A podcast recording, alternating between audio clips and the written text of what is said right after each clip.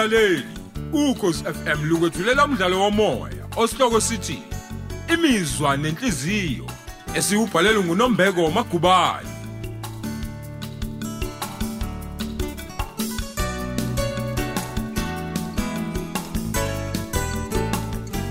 Yamukela isiqebu seshumi.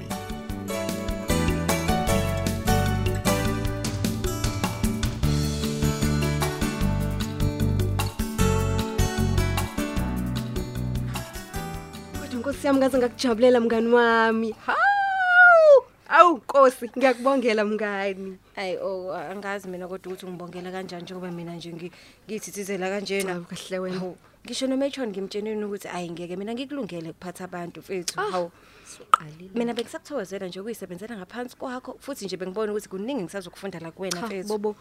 Uyazi nami ngangisho njalo ngalesikhathi uMetron engitshela indaba yasemtholampilo phela. Lo wasemkhomazi. Kodwa namhlanje nomusa sengikulungele ukuya khona. Empeleni ngifisa sengathi nje kwamanje ngabe sengiqalile ukusebenza khona. Hey, bo. Angisakwazi nokulida oh Hayi ngeke oh. Hayi unesibindi. Uthi ujaha ukuhamba uyemkhomazi ushiya isikhumbuzo yedwa. nje. Hayi.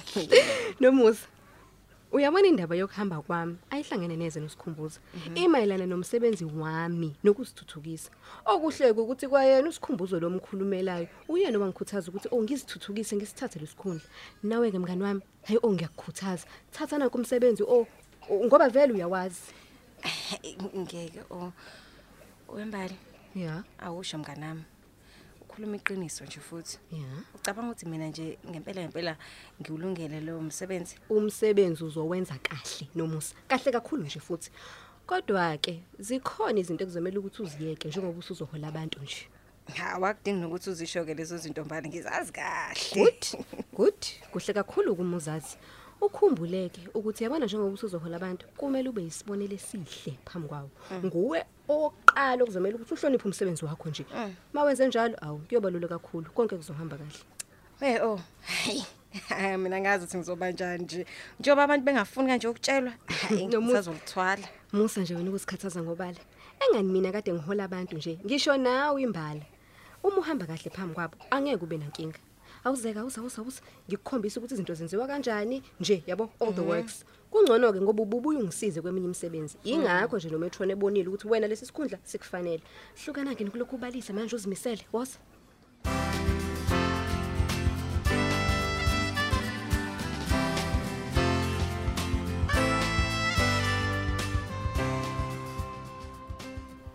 Hawu, Mantombela, wasuthula kangaka.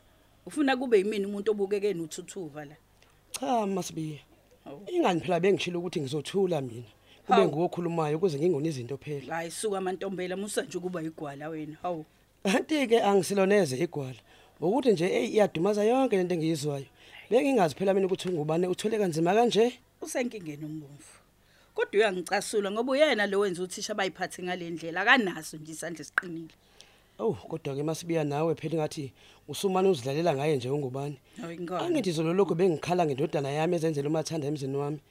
Kangakanani ke yena e- ephethe abantu abadala abanenkani exakile. Hey, khona kunzima Mantombela. Futhi ungathi isimo siya ngokuba sibi insuku zonke. Isigcino uzobanjana ngezandla ngoba nakusi isigungu lesesikusona bakhona okhandela imtshelo kwakhe. Kahle yona masibiya. Ngiyakutshela. Hayibo uchaza ukuthi sekukubi ngaleyo ndlela. Uyabona nje kweminye imhlangano esibambela la esikoleni isimo siyashuba amantombela.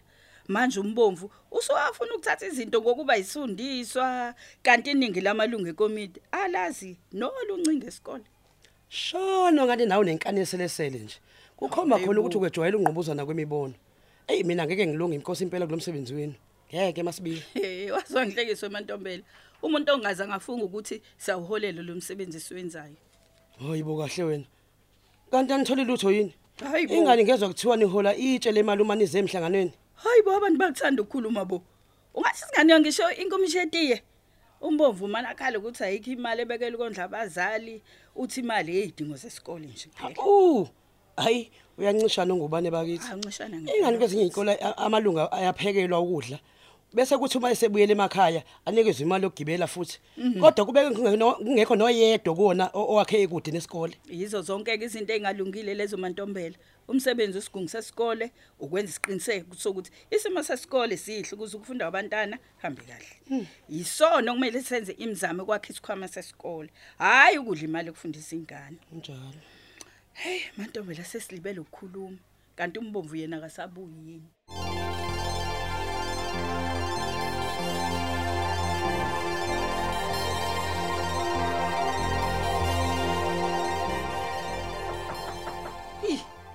Ubanike futhi loyo ngiphazamisayo. Hey, kodwa umuntu uyokakuthole nje ukuphumula kulesikole hayisuka. Eh ngena. Haw, Zweli. Yini sengathi ulandelana nami nje? Noma mhlawumbe usaqhuba yona le ndelelo yene niyithwele lapha emakhanda niyabafundi ba grade 12. Awu cha a- anginjalo madam. Mina bengingaqondile ukukudelela mema uma ngibuza ukuthi ngani singafundi ngama weekends njengezinye izikole. Ngiyacela ungixolele kakhulu madam uma kuukuthi ngizwakele Hayi, la. umusukuloku ungithemelezela lapha wena. Yazi ukuthi uyangibambezela. Awubona ukuthi ngibhizi. Oh ngiyaxolisa madam. Eh, ume- Umeneri ngubani uthi angicele uze office lakhe ngokukhulu kushasha ngoba Ey kunabazali. ey ey ey uyazi akapheli ngisho imzuzu eyishumi ngingenile yazi. Uyazi ukuthi bengiphuma kuphi izwele? Awu ay cha angazi madam. pho ucabanga ukuthi yini eyenzile ukuthi ngingangeni eklasini lenu njengoba beyiperiod yami? Cha phela lalela ke zweli. Hamba utshela umeniyeri wakho loyo ukuthi mina ngine class lesifunde sibucayi kabi mathematics ukuya kwena emanyuvesi ngonyaka ozayo kusezandleni zami lo. Uma ngizolokhu ngiphazanyiswa ke emsebenzini wami amathubeni okuphasa azoncipha. Niyobe senihamba nikhefuza ke lana nithi nifailiswe yimina ngoba nako nikuthanda nokukhuluma ninjalo nje. Eh, eish manje ngenze njani ke madam? Ngoba ngithunyiwe phela mina. Abazali bakulindile office hayibo abazali bakuphi lapho ngubani ukutshela ukuthi beze kumina labo bazali Awu madam angani be- bengisathi ngiyakuchazela nje wasuka kwanqamula umeneri uthi angicela uphuthume ngoba kunabazali abeze kuwena eoffice eyavubheda zweli mani? Ubungasho ngani sonke lesikhathi ukuthi ngibizwa abazali? Awu ngizamile nje madam kusho ukuthi okay hayi, kulungile kulungile zweli. Eh ngiyeza khona manje. Okay kulungile. Eh lunga? Sukuma uye lapha ebhodini uyobhala unumber 6 no 7 wenza isiqiniseko sokuthi ubhala impendulo ezicorrect. You need to show all the steps. Ungamani ubhala ifinal answer nje. Lalelani ke nabafundi ba grade 12 uma ngike ngezwe nje ukuthi khona umuntu osize lo mfana wakashezi hayi uzongithola kahle.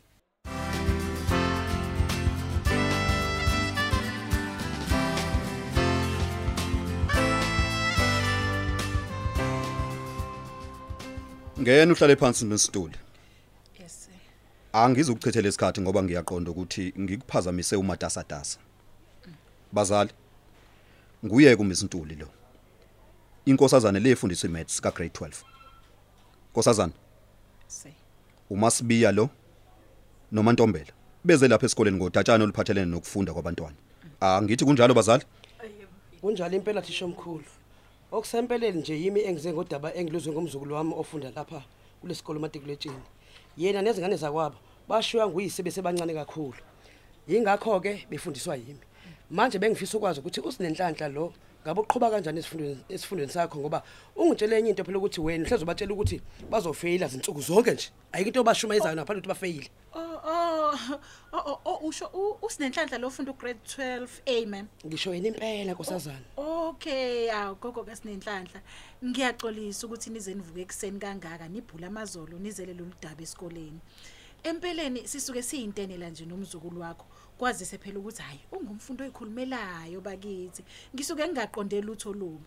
Njengoba kufika kufika umntwana nje ezongicela, bengisanda kuphuma nje eklasini labo, hayi impela hayi alukho lubi khona. Eh, hayi cha inkosi impela hayi hayi ngiyalingwa la uchaza ukuthi ngichithe isikhathi sami nesikamaSibiya umakhelwane wami. Ngokuza lapha kanti si- le ngane idlala ngathi. Hayibo hayi cha uzongifunda ngiqondeke namhlanje usenhlanhla ngiyakutshela ngiyabona ukuthi usengikhohliwe. Ucabanga ukuthi kusiniswa amahleza la ngiyabona? Hayi Yebo. kunjengoba ngisho nje impela gogo. Ngisuke ngiyintelela nje nabafundi bami kumnandi nje sihlele eklasini. awu hayi angikholwa neze ke yonke lento engizwayo hayi nama kungcono abize impela nje usenhlanhla a- a- akuze phela azozikhulumela. Ubengeke neze abalise kangaka umazo esikoleni. Kanti ayikho inkinga a- abhekana nayo. Ngiyamazi phela usenhlanhla umzukulu wami. Ngeke azawaqamba manga enhlobonhlobo Mama Mantombela ngicela ungethembi bakithi. Kungenzeka nje ukuthi umzukulu wakho akaze ethembi nje kahle esifundweni sami. kodwa ngiyakuthembisa ukuthi ngizomsiza uma ngibona ukuthi uselele emuva. Uma sikhona isidingo hayi ngizosala ngisho nanabo ntambama ngibafundise ukuze baphumelele kahle ezifundweni zabo hayi ngiyakuzwa misitulo futhi ngiyabonga phela nangencazelo kenkosi yami. Hayibo. Hey phela mina ngezwe kuthiwa uthisha wesingisi kuphela ozimisela ukufundisa abantwana kulesikole noma engabe isikole kuthiwa sesiphumile. Izingane zasitshela ukuthi wena hayi cha lifaka luba nodaka impela. Awuzingeni nje neze lezo zokuthi wena usala bafundisa noma sesiphumile isikole. Impela nami kazi kanjalo. Hey! Eh, eh, mama ayi impela zayikhuluma iphutha ingane. Salixoxa nje nothisha uDlamini loludaba savumelana. Ngisho nanguthisha omkhulu uyazi ukuthi amaklasi azoqala maduze nje. Angithi kunjalo mphathi. Hayi khona kunjalo bazali.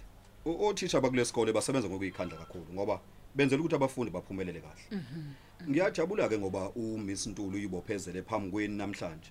Njengoba enethembisa ukuthi uzosebenza ngokweqile njengoba ngihlezi ngisho nje nasemhlanganweni iminyango yesikole ivuliwe. Nivumelekile uze esikoleni uma kukhona eningakuboni kahle. Thisha omkhulu cha kuyezwakala Nkosi yami imbovu ngifisa nokuxolisa ngendlela esulu- esuliphathe ngayo lolu daba. Siqale ngonyawo lobi impela. Bese ngizakhela isithombe sibi ngo- ngo- ngothisha kanti ingane nje edlala ngami. Ungixolela impela misintule nawe thisha omkhulu. Ngiya- ngiyazithoba nje kunini hayi kanti ungakhathazeki gogo kasinenhlanhla. Lokho bekwenzeka bekuyingxenye yomsebenzi wethu nje. Gogo kaNosipho? Yebo nawe ungaphawula phela uma kukhona ofisa ukukusho. Hawu Hayi. wathula kangaka? Hayi thisha omkhulu. Akukho engisengakuphawula mina. Sengaze ngona inkulumo kaMantombela. Mina nje bengiphelezele yena ngoba enesikhalo. Okwami nje sengabe ukudlulisa ukuxolisa kuwena mbomvu hayi ngixolisa kakhulu. Ngisuke ngathathela phezulu izinto kanti hey bengingazi ukuthi isimo sinje. Ngacabanga ukuthi hleze ufuna ukumvikela uthisha uma ungayi komlanda simcela. Hayi kulungileke. Kuzokala kahle konke bazali. Ni- nihambe kahle ke nawe nkosazana Ntuli eh, usungakhululeka. Yes, ngiyethemba kabafundi kade bekulindile njalo ngiyabonga thisha omkhulu siyabonga thisha omkhulu kulungile.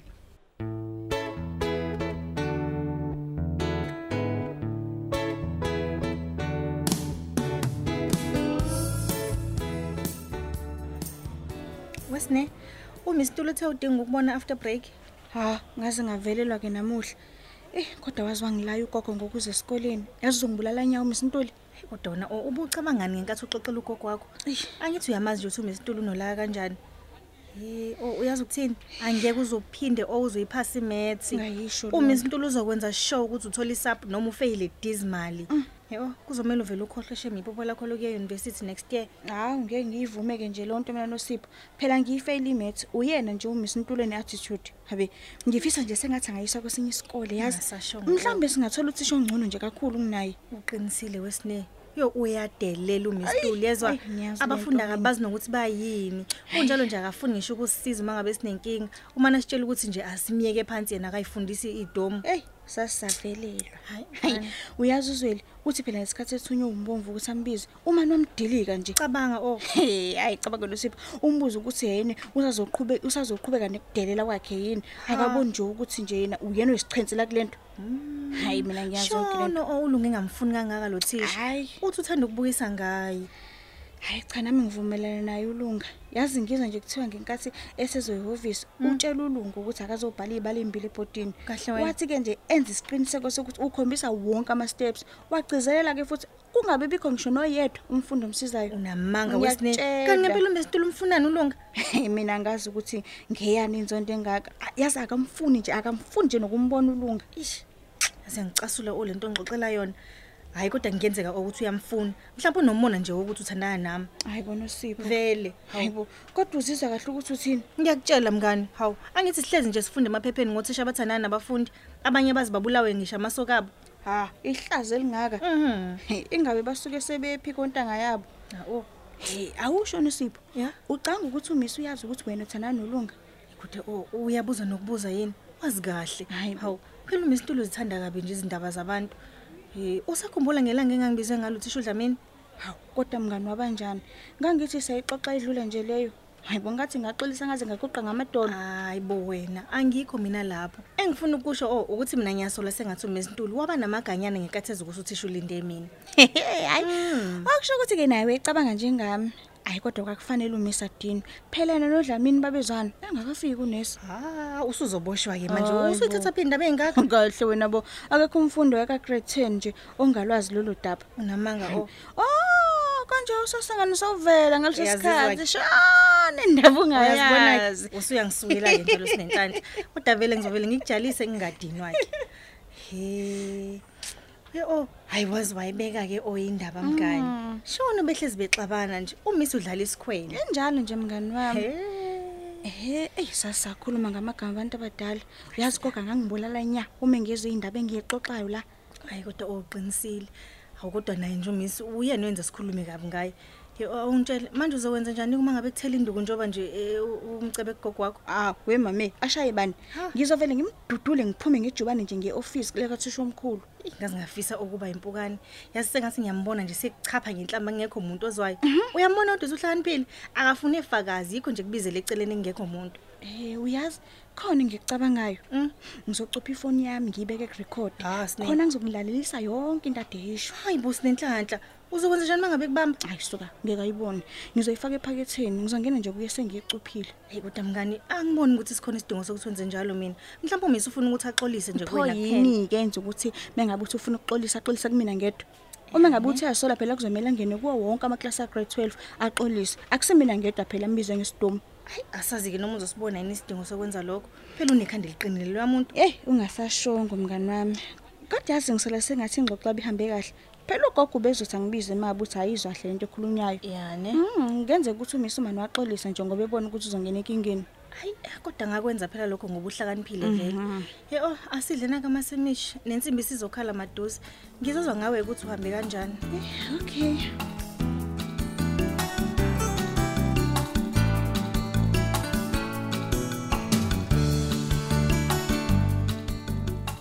Sisibeka lapho isiqephu sethu imizwa nenhliziyo esethulelwa ukhozi FM